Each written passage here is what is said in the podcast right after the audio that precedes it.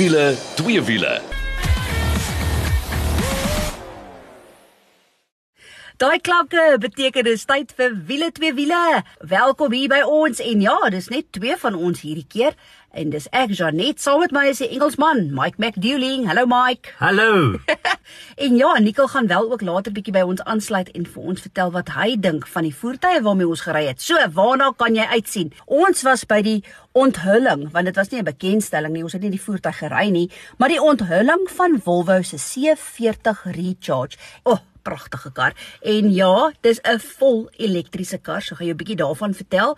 Dan het ons gaan rondrits met die Isuzu D-Max, maar spesifiek hulle 3 liter turbo diesel, maar hulle V-Cross wat basies hulle top of the range model is. Dan, julle, is ek nou baie bly om my hande te kon kry op die nuwe Ford Everest. En was dit nou 'n aangename verrassing? Ons gaan jou als daarvan vertel. Deel 2 gaan Nikkel sy wysheid met ons deel. Nou kyk, ons praat elke week oor nuwe voertuie en ons praat kilowatt en wrinkrag.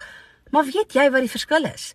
En miskien dink jy ag nee, ek stel nie regtig belang om te weet hoeveel wrinkrag en hoeveel kilowatt my kar het nie, maar dit is uiters belangrik want dit uh, bepaal 'n klomp dinge. So ons gaan bietjie wrinkrag en kilowatt gesels in deel 2 en dan vir twee wiele. Julle is ons tans besig om 'n Suzuki GSX S1000 te toets bestuur en uh, die Engelsman hier langs my ek het laaglaas in my lewe so 'n seentjie gesien wat so opgewonde is oor twee wiele hoor.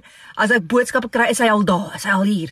En uh, Mike het ontsettend baie tyd met ons spandeer so ons gaan later vir jou vertel wat ek en Nicole dink en Kaal dink maar Mike gaan solank vir ons deel 1 van die Suzuki GSX S1000 gee so dit is alles waarna jy kan uitsien maar kom ons spring dan weg. Net vinnig Volvo se C40 Recharge en nee, dis nie die XC40 Recharge wat ons in elk geval ken nie. Hierdie is die C40 Recharge wat 'n vol elektriese kar is, maar ek kan vir jou sê Hy kom in hierdie model net as 'n elektriese kar. Nou dis vir my verskriklik interessant om te sien wat Volvo se strategie is wanneer dit by elektriese voertuie kom. Besef julle, kyk ons nou 2023, né? Oor 2 jaar, letterlik 2025, wil hulle graag hê dat die helfte van hulle verkope wêreldwyd elektriese voertuie sal wees. Die ander helfte sal bestaan uit hibriede voertuie uit. En dan letterlik teen 2030 wil hulle hê al hulle voertuie moet elektries wees. Nou ja, hier sit ons nou met load shedding en al die pragtige dinge en ons dink by onsself, hoe op dese aarde gaan ons dit regkry? Ek kan vir jou net een ding sê, Mike, this C40 Recharge, né? Wat 'n mooi voertuig, maar ek weet mooi help niks as jy nie krag het nie. Hy kom onder andere wanneer jy hierdie voertuig koop met hierdie home charging wall box ingesluit. So dadelik is dit 'n kwessie van kom, jou selfoon bly tog nog steeds herlaai ten spyte van load shedding. Ons is in die gewoonte om by die huis te kom en ons selfoon dadelik in te plak en hom te herlaai en dis maar net wat 'n mens sal moet doen met 'n elektriese voertuig ook. En die feit dat as jy 'n Volvo elektriese voertuig koop, kan kom hy met hierdie wall box help mens geweldig baie. Ook natuurlik kry jy in elk geval 'n publieke herlaai kabel ook saam met die kar. Maar net so vinnig, dis is ons het nie die kar gery nie, ons het hom gesien. Gaan kyk bietjie op ons Facebook bladsy wiele twee wiele dan sien julle hoe lyk like hierdie C40 Recharge. Dis 'n mooi kar. Hy lyk like coupe. Sy sy daklyn beweeg so af na onder toe. Daar is nie 'n kar op die pad wat so lyk nie, veral van agter af. Sy liggies is so 'n sulke spikkelyne man. Jy dink seker waaroor gaan hierdie vrou aan man? Gaan kyk dit op Facebook, dan sal jy sien waaroor ek so aangaan. Goed, ons in Suid-Afrika gaan net 50 eenhede kry van hierdie Volvo C40 Recharge. Dis nou vir die eerste besending en hy uh, goed, hy gaan jou so kort van 1.3 miljoen rand kos.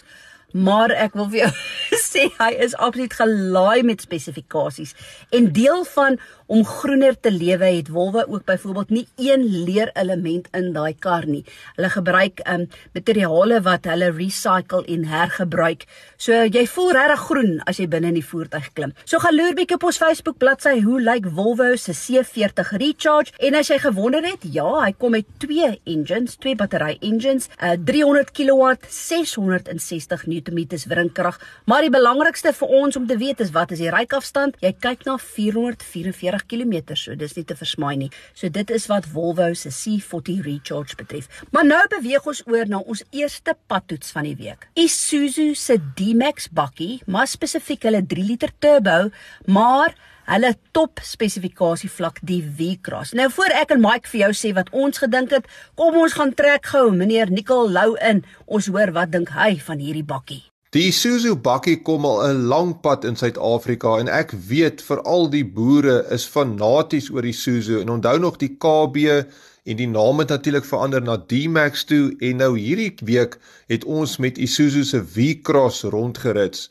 En al wat dit beteken is, dit is die top of the range Isuzu Double K8 4x4 outomaties met daai 3 liter turbo diesel enjin.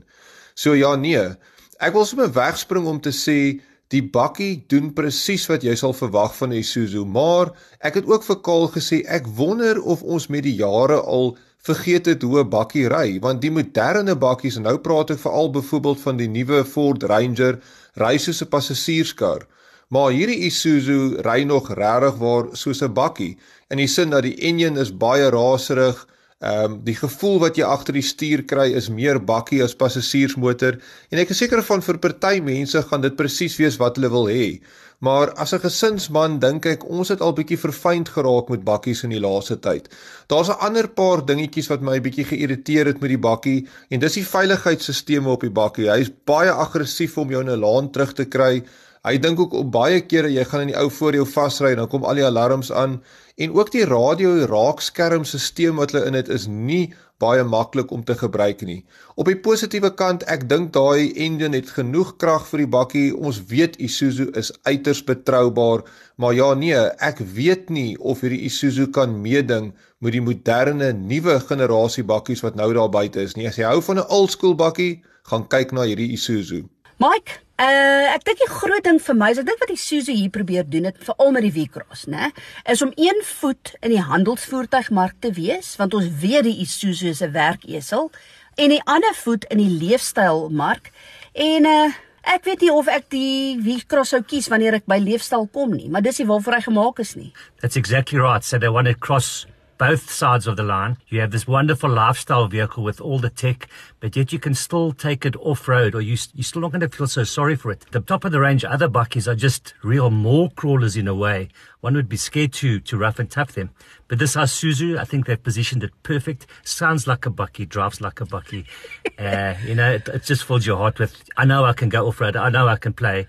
So it's it's really a good a good choice for them. Ja, ek weet die boere veral in die Noord-Kaap sal my absoluut slag want dis nou lekker wat jy nou sê, ja, jy sal enige tyd die bakkie vat. Ek klim weer die bakkie. Dit voel vir my ek klim in 'n bakkie wat 10 jaar oud is. Maar dis net omdat ek meer leefstyl georiënteerd is. Jy weet, ek het glad nie van bakkies gehou jare terug nie. Ek praat nou van 20 jaar terug tot ek die eerste keer in 'n almal rok geklim het. O, oh, ho, ho, ho. toe besef ek, dis mos nou 'n bakkie wat ry soos 'n kar. It's a game, game changer, ja. Yeah. So ek is eintlik nie die regte een om te praat nie, maar ek kan wel vir jou sê dat hierdie nuwe generasie Isuzu bakkie die D-Max lyk pragtig hoor en veral die een wat ons mee gery het is die V-Cross en hy so burnt orange. Yep. So hy is regtig pragtig. So in daai opsig, ja, gaan loer bietjie op ons Facebook bladsy hoe lyk Isuzu se D-Max bakkie die 3 liter turbo diesel die V-Cross en ja, soos Nicole sê, op die outende besluit jy soek jy leefstyl of soek jy werks esel en duidelik is daar ontsettend baie Isuzu bakkies veral op ons plase so dit sê al klaar genoeg. Nou oor na julle die Fort Everest en ek wil nou vir jou sê as jy Fort Everest hoor, vergeet wat jy weet van die Everest. Want die nuwe generasie Fort Everest is heeltemal anderste en hy kompeteer ook in 'n heeltemal ander klas. Maar ons gaan hoor gou wat sê Nicole van die nuwe Fort Everest. Wiele twee wiele span. Ek was natuurlik op die nuwe Ford Ranger bekendstelling gewees so einde laas jaar en dis nou tyd vir die nuwe Ford Everest. En ons het natuurlik daai top of the range daai titanium 3 liter turbo diesel ene gehad om te toets lieflike motor 184 kW 600 Nm uiters verfyn. Ek moet sê Ford het nou regtig gegaan en hulle het 'n stappie boontoe geneem in die leer van verfynheid en ook in leksheid. Ek wil my verstout om te sê dat jy kan nie meer die nuwe Everest vergelyk byvoorbeeld met 'n Toyota Fortuner nie. Dis net totaal in 'n ander klas. Die grootte, die krag, die verfynheid, die raakskerms, die tegnologie in daai voertuig, die derde ry sitplekke wat so elektronies opslaan, baie spasie. En dan het hy natuurlik al daai aandryf ry modus, natuurlik 'n permanente 4x4, maar jy kan hom in sy laastrek sit. Jy het hierdie um, ronde knop wat jy kan draai vir jou modder en vir jou sand en al daai tipe van dinge. Hy het natuurlik 'n ewenaar slot ook. So ja, die voertuig kan definitief van die pad af gaan enige plek waar jy wil ry ook in uiterste leksheid. Aan die negatiewe kant sou ek sê dat ek weet nie of hy heeltemal is by jou Duitse produkte met interieur. Daar's 'n paar plekke waar jy kan voel waar die plastiek 'n bietjie goedkoop voel veral as jy dink aan die prys en dis eintlik die grootste probleem met die voertuig. Veral hierdie leksheid, betaal jy 1.1 miljoen rand en ek weet nie of ons Suid-Afrikaanse mark gereed is om soveel vir 'n Ford Everest te betaal nie, maar die tyd sal leer. Mike, what did you think of this beautiful Ford Everest? So I fell in love. What I did is I got into it and I started the car and I just sat in those absolutely plush leather seats and listened to that engine idle. I tell you, it feels like you're in a seriously premium car, and at that price, I think this Ford Everest is going to outbox its old competition definitely. Ja nee, dit is absoluut so. Jy kan hom nie meer vergelyk met byvoorbeeld 'n Fortuner nie. Ek bedoel die prysklas is definitief as jy nou moet vergelyk en dit is soos Nicole ook gesê het, jy moet meer kyk na 'n Toyota Prado of selfs die Toyota Land Cruiser LC 300. Dit hy val amper half tussen die twee. Kyk, baie aggressief gestileer van die voorkant af. Dis 'n kar, ek moet sê die die nekke het nogal gedraai as ek verbykom. Maar wie waarvan hou ek nie? I can guess, girl. Wat? It's got a round bum. Ja. ek hou nie van die agterkant nie. Die agterkant laat my dink aan 'n Volkswagen T-Cross. Ek weet nie, die agterkant pas nie vir my by die aggressiewe voorlyne waar jy voel, gee pad hier kom ek nie. As jy van agter af kyk, dan sal jy dink, ag nee, wat dis 'n ou speelmaatjie waarmee ek kan speel. But it's got to tick the boxes for ladies, for men, for everybody. So I think Ford have done very well with with both sides of the style. Eh? Ja, ek dink die groot ding ook, ek weet daar's ander geharde 4x4 manne wat 'n probleem gehad het met die vorige Everest, veral wat die ratkas betref. En ek kan vir jou een ding sê dat hy heeltemal oorgekalibreer is. So daai wat hulle noem daai omskakeling tussen eerste en tweede rad wat half nie lekker was nie. Die radverhouding is baie beter met die nuwe Ford Everest, so dis al klare pluspunt. En Nicole het ook nou genoem van al die verskillende rymodus, die ewenaar slot wat jy kry. So ja, duidelik kan hierdie nuwe Ford Everest ook klim waar Bobbie Jane keer het, maar daar wil ek net amper weer aansluit by jou Mike. Hmm. Would you? Would you? Dis die vraag. Sal jy? So ja, ongelukkig bietjie duur soos Nicole ook gesê het. So hy begin by 965 60400. Dis nou spesifiek vir die Ford Everest Sport wat jou 2 liter turbo diesel is. Maar dan kry jy die ander model is die Ford Everest Platinum wat gelaai is 3 liter V6 4x4 en ja, 1.1 miljoen. Maar soos ek vroeër ook genoem het, jou Prado begin by basies net so kort van 1.1 en hy hardloop op tot so net so onder 1.3 en jou LC300 jou Toyota Land Cruiser LC300 begin by 1.3 en dan hardloop hy tot so net onder die 1.9. So die nuwe Ford Everest, vergeet sportnuts en probeer hom vergelyk met van die ander sportnuts op die mark soos jou Fortuner. Uh uh, hy val nou half basies in daai mark tussen Prado en LC300. So dit is wat die nuwe Ford Everest betref, gaan loer bietjie op ons Facebook bladsy en ja, stem jy saam? Pragtig van voor en aggressief, maar hou jy van die agterkant? So dit is wat deel 1 van die program betref. Ons gaan nou eers bietjie asem skep, maar voor ons dit doen. As jy in die Kaap en die omgewing bly en jy wil jou motor verkoop, hoorie Getworth is op 'n missie om motors aan te koop en sal vir jou die beste pryse uit die mark gee. En as jy nou dink, "Hey, maar ek sien die Kaap nie, moet die kobber die want daai kwaliteit voertuie wat Getworth weer aankoop, kan jy koop enige plek in Suid-Afrika. Luister gou hierna. Baie mense se waardevolste bate is hul motor. So wanneer dit kom by die verkoop daarvan, wil hulle seker wees hul kruiwer dit regtig werd is. Gateway.co.za sal seker maak jy kry jou motor se regte waarde wanneer jy dit deur hulle verkoop. Gateway gee jou 'n vaste aanbod vir jou motor gebaseer op werklike markdata. Geen skattings gebaseer op 'n generiese boekwaarde nie. Besoek getworth.co.za vir 'n vaste aanbod vir jou motor. Getworth, koop reg, verkoop slim. As jy 'n vlekvrye staal uitlaatstelsel soek of jy nou jou kar wil laat purr soos 'n klein katjie of laat blaf soos 'n Rottweiler, moet jy definitief 'n draai gaan maak by Powerflow Belwel. Hulle kyk na alles wat jy nodig het wanneer dit by jou uitlaatstelsel kom en jy kry boonop 'n 5 jaar waarborg ook. 'n Nuwe stelsel sal self vir jou beter werkverrigting gee. Besoek powerflowbelwel.co.za of Powerflow Exhaust Belwel op Facebook. Powerflow Belwel, jou nommer 1 vir vlekvrye staal uitlaatstelsels. As jy nou net ingeskakel het, dit is wiele twee wiele. Ek is Janet. Saam met my is Mike McDouling en julle, dis nou tyd vir ons wen van die week. Wat beteken? Nicole gaan by ons aansluit. Nicole, hallo. Lekker om met jou te gesels. Hoorie, waaroor praat ons hierdie week? Wiele twee wiele span. Ek is gevra om die verskil te verduidelik tussen wringkrag of torque en dan nou kilowatts wat die drywingpotensiaal van 'n enjin is. Nou ons praat baie op hierdie program van die vermoëns van 'n enjin van 'n nuwe voertuig wat ons toets en dan praat ons van die wringkragsyfer en die kilowattsyfer en ons gaan nou 'n bietjie daaroor praat en ook watter syfer is dan nou belangrik afhangende van wat jy wil bereik. Eerstens wil ek praat met as jy nou in jou kar besig is om te bestuur en het een van hierdie mineraalwaterbotteltjies langs jou. Wringkrag, dink aan dis die krag wat jy nodig het om daai proppie van die mineraalwater af te draai. So hoe stywer hy vas is, hoe meer wringkrag het jy nodig om daai doppie af te draai. As jy wil weet hoeveel drywing jy moet nodig hê, dan moet jy dink aan hoe vinnig kan jy daai proppie afdraai. Hoe vinniger jy daai proppie afdraai, hoe meer drywing het jy gegenereer om daai proppie af te draai. So dis om ons 'n bietjie tong in die kies.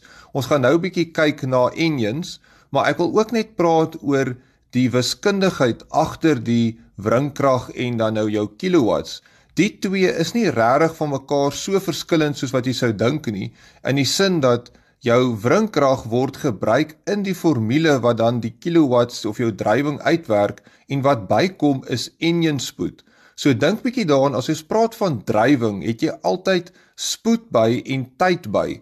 So met kilowatts is dit altyd belangrik om te dink aan Jesus stophorlosie betrokke. As ons praat van wringkrag, dis 'n krag wat jy kan meet, fisies kan meet.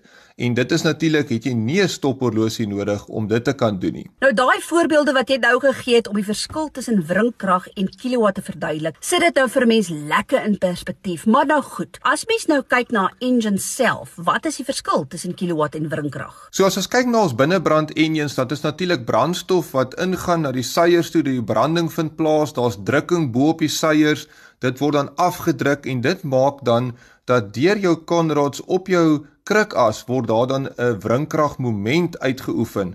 Dink natuurlik aan die krukas as die uitset as van die enjin. Nou dink daaraan as jy daai as moet probeer vashou terwyl die enjin loop, hoeveel wringkrag het jy dan nodig om hom vas te hou? Dis natuurlik presies wat gebeur op 'n enjin toetsbank waar jy nou meet hoeveel wringkrag hierdie enjin kan lewer. Daar is 'n rem gekoppel aan die uitset as en hy meet natuurlik hoeveel wringkrag is dan nodig om hierdie enjin vas te hou. So hoe sterker die enjin is, hoe meer wringkrag genereer hy en hoe sterker moet jou rem wees op daai kruk as om te keer dat hy dan nie weghardloop nie. As jy dan wil uitwerk hoeveel drywing lewer daai enjin op daai punt, dan moet jy die enjin snelheid byvat. So 'n engine wat baie hoë revolusies kan lewer alhoewel hy nie so baie wringkrag het nie, gaan baie meer kilowatts hê omdat daai enjin spoed in die formule gebruik word. Sure, Nicole, you're clearly a talented engineer. Thank you for that understanding. Now, just on a quick one, why do diesel engines historically have more torque than kilowatts, and with a petrol engine, there's a lot more kilowatts than torque? So as dit kom by diesel engines, dan het 'n mens baie hoë insilinder drukke. So die drukking wat bo op die seiers gegenereer word in 'n diesel engine, veral turbo diesel, is baie hoog. So daai kragte wat deur die seier werk, deur die seierstang na die krukas toe is baie hoog en daarom is die wringkrag wat daai krukas dan kan lewer baie hoog in 'n diesel enjin. Maar onthou, 'n diesel enjin kan nie baie hoë revolusies handhaaf nie. Ons praat maar hier van 4.5, miskien 5000 omwentelings per minuut. En daarom soos wat ek gesê het, jou kilowatts afhangende van jou wringkrag maal met die enjin revolusies en daarom het 'n diesel enjin histories dan nie so baie kilowatts nie alhoewel hy baie wringkrag het. Die wringkrag is natuurlik uitstekend as dit kom by sleep en ook om goedere te vervoer. So daarom het jou bakkies en jou kommersiële voertuie gewoonlik diesel engines vir daai lekker wrinkrag en natuurlik vir goeie brandstofverbruik. As ons kyk na jou petrol engines, dan histories het ons baie keer nog naturally aspirated petrol engines gekry wat nie so baie wrinkrag kan genereer nie want die drukking bo op die seiers is nie so hoog nie. Maar jou petrol engine se revolusies kan baie hoër opgaan en as jy selfs 'n laer wrinkragsyfer vat en jy maal dit dan met die baie hoë revolusies as ons kyk na sportkarre wat hier 6 7 8000 rpm kan ref dan werk jy uit dat die kilowatts dan baie hoog kan wees. En die kilowatts is belangrik vir 'n stophorlosie. So jou 0 tot 100 tye 0 tot 200 tye al daai is jou kilowatts meer belangrik as jou wrinkrag. En daarom sal julle sien dat die sportskar het gewoonlik 'n baie hoë kilowatt syfer. So ek hoop dit is 'n bietjie duideliker, maar dink daaraan dat wrinkrag en kilowatts is eintlik maar aan mekaar gekoppel met engine spoed. Nikkel baie baie dankie vir daai insig. En dit is so, ons praat elke week kilowatt en wrinkrag, maar mens moet ook besef dat die gewone man of dame op die straat is nie so gefassineerd of geïnteresseerd oor wat is kilowatt en wrinkrag en waarmee ry hulle en wat skop hulle kar uit nie. En vir my persoonlik is dit natuurlik belangrik, maar ek is 'n petrolhead. en dan is dit ook vir my interessant wat jy nou gesê het. Dink aan 'n stophorlosie, kilowatt, kyk hoe vinnig as jy van 0 tot 100 km/h, so daar's 'n stophorlosie betrokke. Wrinkrag het jy nie 'n stophorlosie betrokke nie. Dit is die krag wat jy nodig het om dit te doen. En ek verduidelik dit altyd, dit is so maklik. Wrinkrag het jy nodig om by 'n bult uit te kom. So baie baie dankie vir daai insig. Nou is dit tyd vir twee wiele. En hoe lekker is dit om vir 'n slag 'n motorfiets wat ons kan toets vir 'n week. Die meneer hier langs my het al die meeste met hom gery. Ek het nog eers my been oor hom geswaai nie, maar hopelik binnekort en dan vir 'n volgende keer sal ek en Kol en Nicole vir jou vertel wat dink ons van die Suzuki GSX S1000. But Mike, I want to start with the following. 'n WhatsApp van jou om te sê is die bike al hier? Wanneer kom hy? Ek kan nie glo. Ek wil amper sê dat so ou man so opgewonde kan wees oor 'n tweewiel nie. Well, they say 60 is the new 40 girl, so I haven't hit uh, adolescence yet, so I was I could not wait for this bike to come because it's it's got such a special history. I mean, the engine comes out of the the racing uh, GSX-Rs. It's been slightly detuned. It's now a bike that you can use on the road. If you're wild, you can traction control it to have absolute adrenaline rush. Or like me, you can go cruise. I went to Cape Town, I went parking, I went to Melkbos, I went to Malmesbury on the twisties. This bike does it for everything. And it can commute, and I tell you, 20 kilometers to a liter, relatively hard driving is next level cool, eh? Ja, yeah, okay, nee, ek hoor jou. Nou as jy wonder hoe lyk hy, kyk, hy het nie 'n 'n fairing nie. So dis nie 'n superbike met fairing nie, dis basies 'n naked fiets. It's exactly maar, what it is, ja. Yeah. Oh, hy het hierdie mooi liggies aan die voorkant. Ek bedoel ek is mal oor hoe hy lyk van voor af. Die een wat ons het is pikswart, so hy het verskriklike mooi lyne. En maar iets wat ek nou wel wil vra, al die verskillende traction control modus wat jy het want jy kan hom stel van 1 tot 5.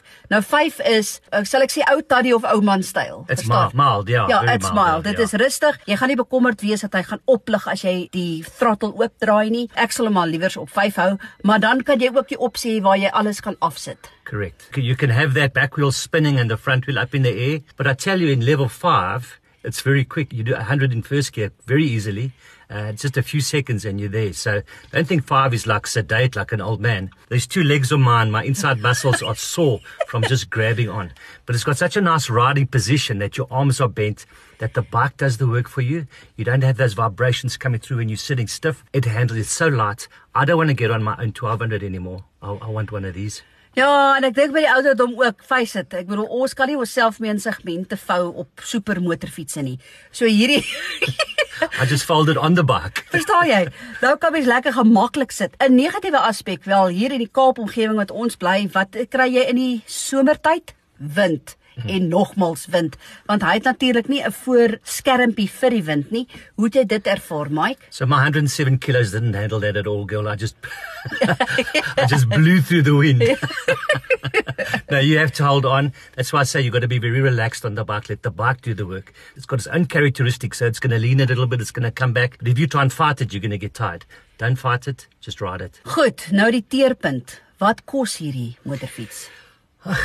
you know, I could probably have 3 or 4 in my garage. 225,900 rand. En dis vir 'n splinter nuwe Suzuki GSX S S1000. En ek dink as jy ietsie soek wat anders is, die jare stap bietjie aan en jy wil jouself nie meer so in segmente vou op 'n supermotorfiets nie, dan's dit definitief die motorfiets om na te kyk. And it's nice and low, you know, I can swing my leg over without pulling a hamstring. It's just, it's got a lot, it's, got a lot going for it. Hoorie, ek kan nie wag om my been oor die motorfiets te swaai nie en volgende keer sal ons vir jou vertel wat ek, Kaal en Nicole ook dink van hierdie swart Suzuki GSX S1000. Dit is al vir wiele twee wiele vir hierdie week. Dankie dat jy saam met ons gekuier het. Gaan kuier bietjie op ons Facebook bladsy en ons is op Instagram ook en is so maklik soos wiele twee wiele. Maar tot volgende week toe. Oh, daai wiele aan die rol.